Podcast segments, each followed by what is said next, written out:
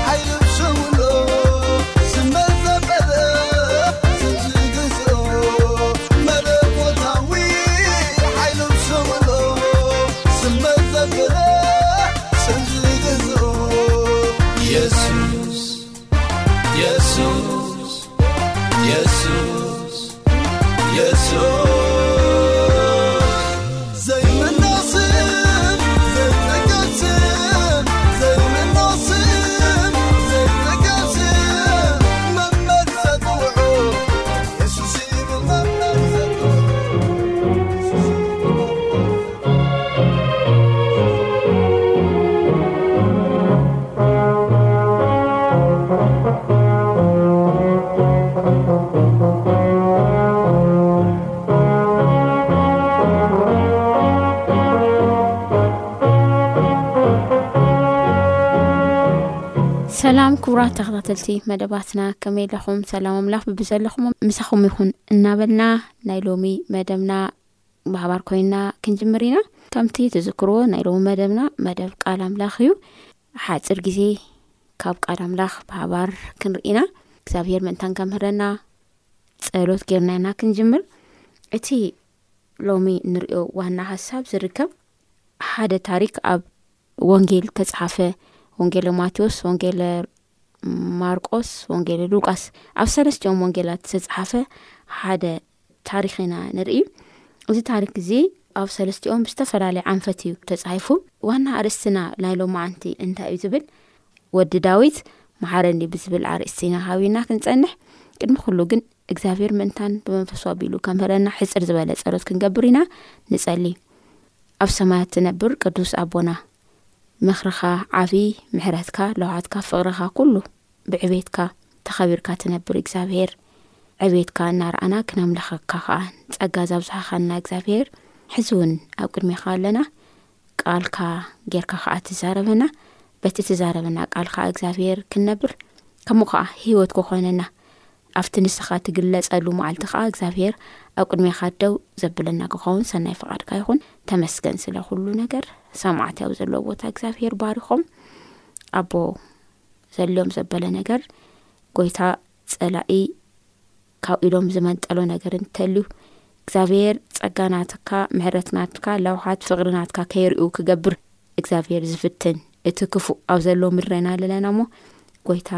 ንስኻ ክትክውሎም ንስኻ ክትመርሖም ንስኻ ክትድግፎም ጎይታ ኣብ ዘጸገሞም ነገር ጎይታ ኣብ ዘይከኣልዎ ነገር ንኻ ዝሰኣነካ ነገር የለን ንኻ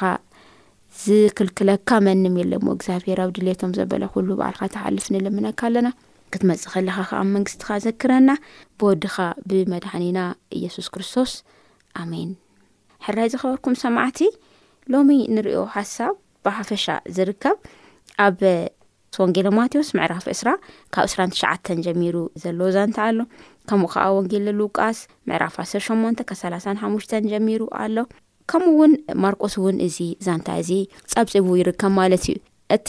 ኣብ ሉቃስ ዓሰርተ ሸሞንተ ሰላሳን ሓሙሽተን ጀሚሩ ዘሎ እስቲ ብሓባር ነንብብ እሞ ድሓር እግዚኣብሄር ካብዚ ዘምህረና ነገር ንመሃር ኢና ማለት እዩ። ኮነ ድማ ናብ ያርኮ ምስ ቀረቡ እንሆ ሓደ ዕውር ኣብ ጥቓ መንገዲ ተቐሚጡ ይልምን ነበረ። እኩብ ህዝቢ ክሓልፍ ከሎ ሰሚዑ ከኣ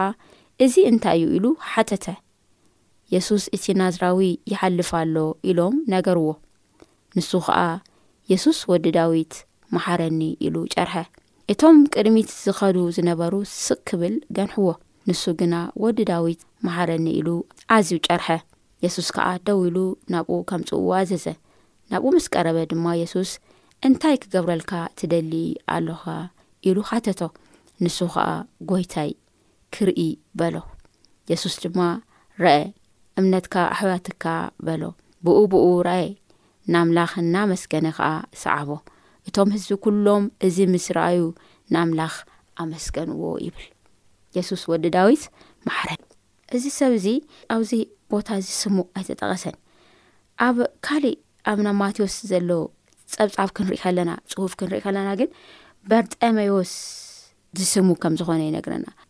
እዚ በርጠሜዎስ ዝብል ቃል እዚ ካብ ዝተፈላለዩ ቋንቋታት ዝተወሰዘ ከም ዝኾነ ንርኢ ካብ ክልተ ቋንቋታት ዝተወሰደ ክልተ ቃላት ዝሓዘ ከም ዝኾነ ኢና ንርኢ በር ልብል ብኣራማይክ ቋንቋ ዝተወሰደ እንትኸውን ወዲ ማለት እዩ ወዲ ማለት እዩ ወይ ከዓ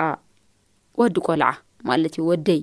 ዝብል ሓሳብ እዩ ዝሕዝ ማለት እዩ ጠመዮስ ዝብል ከዓ ናይ ግሪክ ቋንቋ ትኸውን ከሎ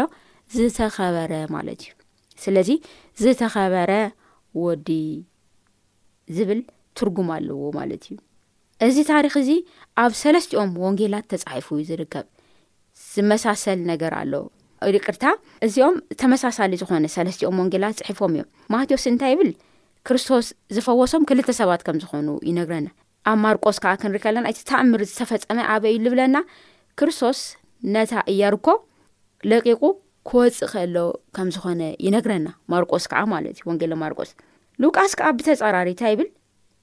ማርቆስ ከምቲ ዝብሎ ክርስቶስ ሓደ ዕዉር ከም ዝፈወሶ ይነግረና። እቲ ናይ ፈውሲ ቦታ ከኣ እዚ ከምቲ ዝረኣናዮ ናብ እያርኮ ከተማ ከተማ እያርኮ ኣብ መእተዊ በሪ ከም ዝኾነ ይነግረና። ሕዚ ኣብ ሉቃስ ከምቲ ዘንበብናዮ እቲ ዝተፈወሰ ሰብ ሓደ ወይ ክልተ ወይ ካብኡ ንላዕሊ ከም ዝኾነ ይነግረና ግን እቲ ተኣምር ዝተፈጸመሉ ቦታ ጎይታና መድኃኒና ኢየሱስ ክርስቶስ ንኢያርኮ ከተማ ንከተማ ኢያርኮ ምስ ደቀ መዛሙርቱ ናብቲ ከተማ ይኣትሎ ድዩ ናብቲ ካብቲ ከተማ ይወጽእሎ ድዩ ኣይነግረናን ግን ኣብቲ ከተማ ኣብቲ በሪ እቲ ከተማ እዚ ሰብ እዚ ከም ዝነበረ ንርኢ እዚ ኩሉ ዘተሓሳስበና ነገር ኣይኮነን ዘተሓሳስብና ነገር ኣይኮነን እቶም ዝተፈወሱ ሰባት ክልቶ ይኹኑ ወይ ካብኡ ላዕሊ ይኾኑ ናይ ማርቆስ ትኩረት ኣብኡ ተሳሒቡ እዩ ግን ካብቶም ሰባት ሓደ ሰብ ዓልዒሉ በርጠሜዎስ ኢሉ ይነግረና። ምናልባት ገለ ገለ ቦታ እቶም ወንጌላውያን ክጽሕፉ ከለው እቲ ዘለዎ ነገር ኩሉ ሪፖርት ዘይምግባሮም ምናልባት እቲ ስቕታሲ ተቃውሞ ወይ ከዓ ከይኾን ይኽእል እዩ ማለት እዩ እዚ ጉዕዞ እዚ እዚ ናይ ጎይታና መድሓኒና የሱስ ክርስቶስ ጉዕዞ ናይ መወዳእታ ጉዕዞ ናብ ኢየሩሳሌም እዩ ነይሩ በዚ መዓልቲ እዚ ክርስቶስ ኢየሱስ ናብ ቢታንያ ኣትዩ ይሓድር ቢታንያ ና መን ዓዲያ ንዝክር ኢና ናይ ኣልኣዛር ናይ ማርታን ማርያምን ዝነበሩ ፈተውቲ የሱስ ክርስቶስ ዝነበሩ ስድራ ዝነበርዎ ዓዲ እያ ቢታንያ እና በዛ መዓልቲ እዚኣ ክርስቶስ ኣብ ቢታንያ ኣትዩ ከም ዝሓድር ኣብ ታሕታይ ወሪና ክንርኢ ከለና ንርኢ እዩ ኣብ ቀራንዮ ክስቀል ከዓ ሓደ ሰሞን ሓደ ሰሙን ከባቢ እዩ ተሪፍዎ ነይሩ። እቲ ግዜ ከኣ እቲ እዋን ከኣ እቲ ናብ ፋሲካ በዓል ፋሲካ ዝኽበረሉ ሰሙን ካብኡ ዝተላዕለ ብዙሕ ህዝቢ ካብ ብቦትኡ እናተንሰአ ናብ ኢየሩሳሌም ይጎርፍ ነይሩ። ካብቲ ናይ ያርኮ ከተማ ክወጹ ካብታ ከተማ እያርኮ ክወጹ ከሎ ኣብቲ ከተማታት ኣብ እኒኦ ካብቲ ቅጽሪ ካብቲ መካበብያ ወጻኢ ኮይኖም ግን ዝልምኑ ዝተፈላለየ ጸገም ዝነብርዎም ሰባት ነይሮም ለመንቲ ነይሮም ካብ ከተማ ወጻኢ ኮይኖም እዮም ክልምኑ ዝፍቀደሎም ንምንታይ እቲ ህዝቢ ንፋሲካ በዓል ከብዕል ናብቲ ክመፅእ ከሎ ብዙሕ ህዝቢ ስለ ዝመፅእ ኣኡ ልክዕ ሕዚ ኣብ ዓድና ኣብ ሃይማኖትና ክንሪኢ ከለና ዝተፈላለዩ በዓላት ክኾኑ ከሎ ምንተ እቲ በዓል መንተ ዝስም ክብሉ ብዝተፈላለየ ኣንፈታት ከፍ ኢሎም ዝልምኑ ለመንቲ ንርኢ እዚ ልሙድ እዩ ማለት እዩ ልክዕ ከምኡ ከዓ ኣብ የሩሳሌም ከምኡ ዓይነት ለመንቲ ነይሮም እና ካብቲ ቅጽሪ ወጻኢ ኮይኖም ብስም እግዚኣብሄር ይልምኑ ከም ዝነበሩ ኢና ንርኢ ስለዚ ካብዚኦም ሰባት በርጠሚዎስ ሃደ እዩ ነይሩ ዝገርመኩም ክብራት ሰማዕቲ ብዙሓት ለመንቲ ነይሮም ኣብቲ ቦታ እሱ ግን እቶም ብዙሓት ኣይተነገረናን ብዛዕባኦም ማለት እዩ ብዛዕባ በርጠሚዎስ ግን ኣብ ህይወት መጽሓፍ ተጻሒፉ ከሎ ኢና ንርኢ እዚ በርጠሚዎስ እዚ ከምቲ ህዝቢ ጃዕጃዕ ኢሉ ከም ዝኸደሎ ካይዱ እውን እቲ ፋሲካ በዓል ከብዕል ዝተፈቐደሉ ዋላ እንተኾነ ግን ዓቕሚ ዝነበሮ ኣይነበረን። ከምኡ ክካየድ እውን ዝሓሰበ ኣይመስልን። ብቻ ናይዕለት ጉርሱ ክረክብ ኣብታ በሪ ኮፍ ኢሉ ዝልምን ከም ዝነበረ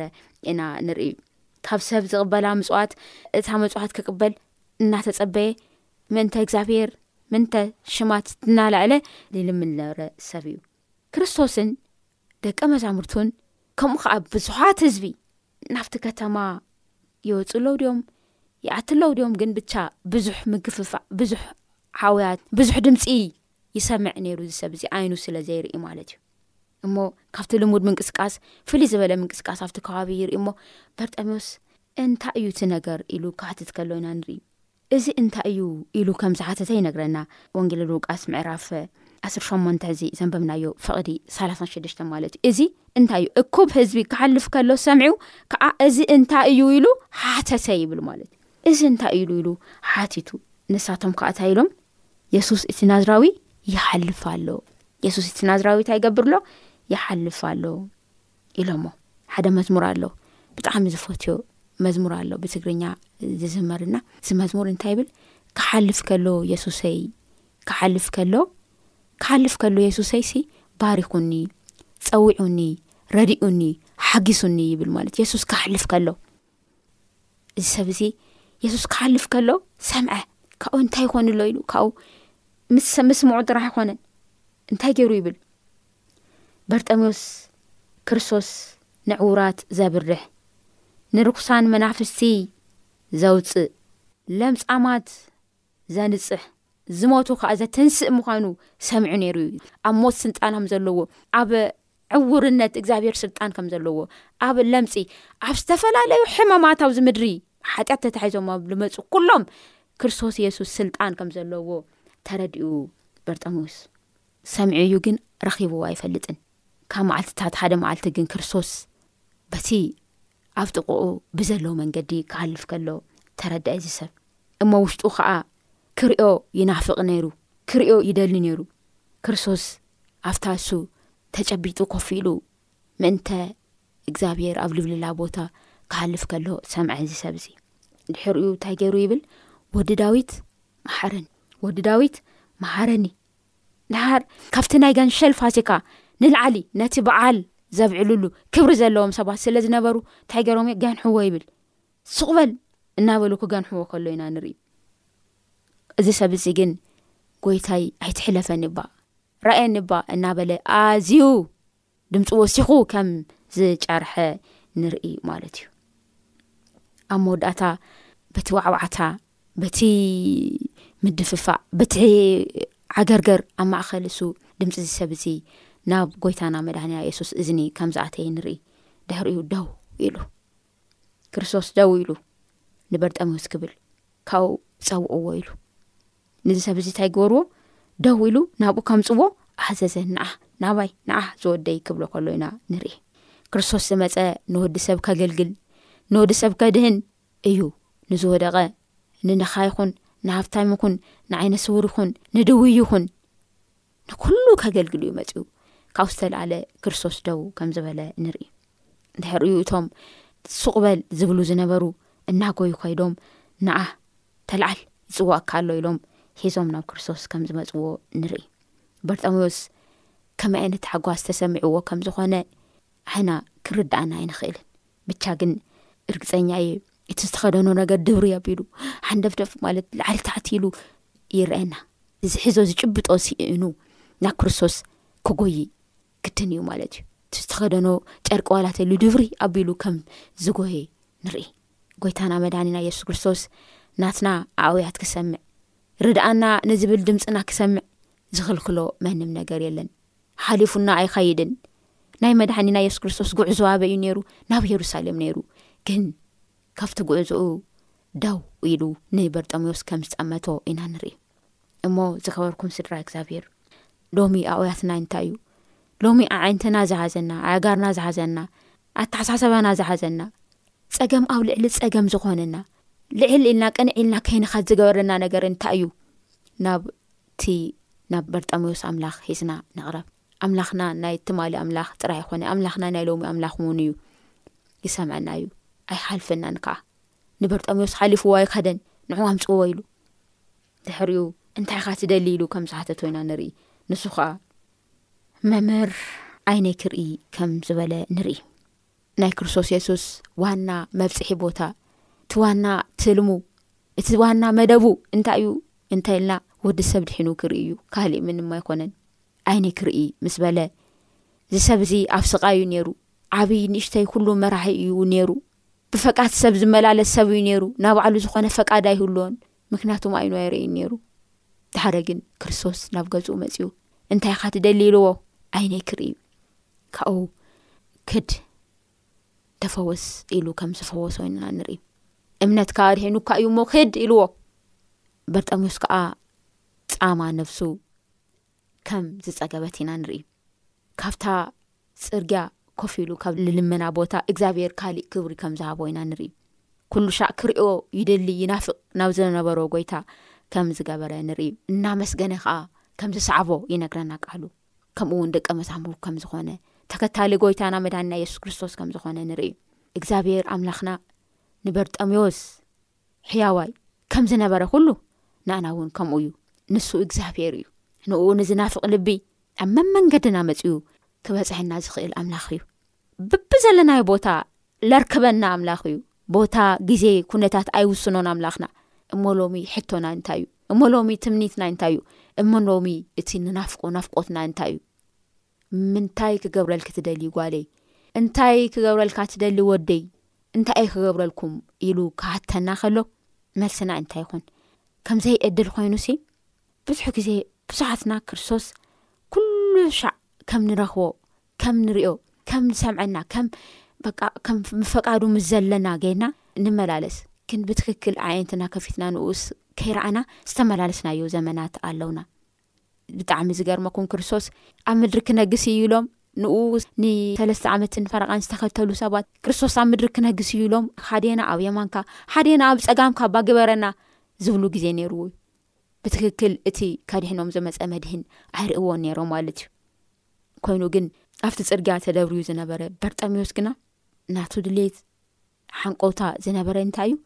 መሓረኒ ምሕረት ክረክብ እዩ ነይሩ ማለት እዩ ብእምነት ዓይኒ ከም ዝርአን እግዚኣብሔር ከዓ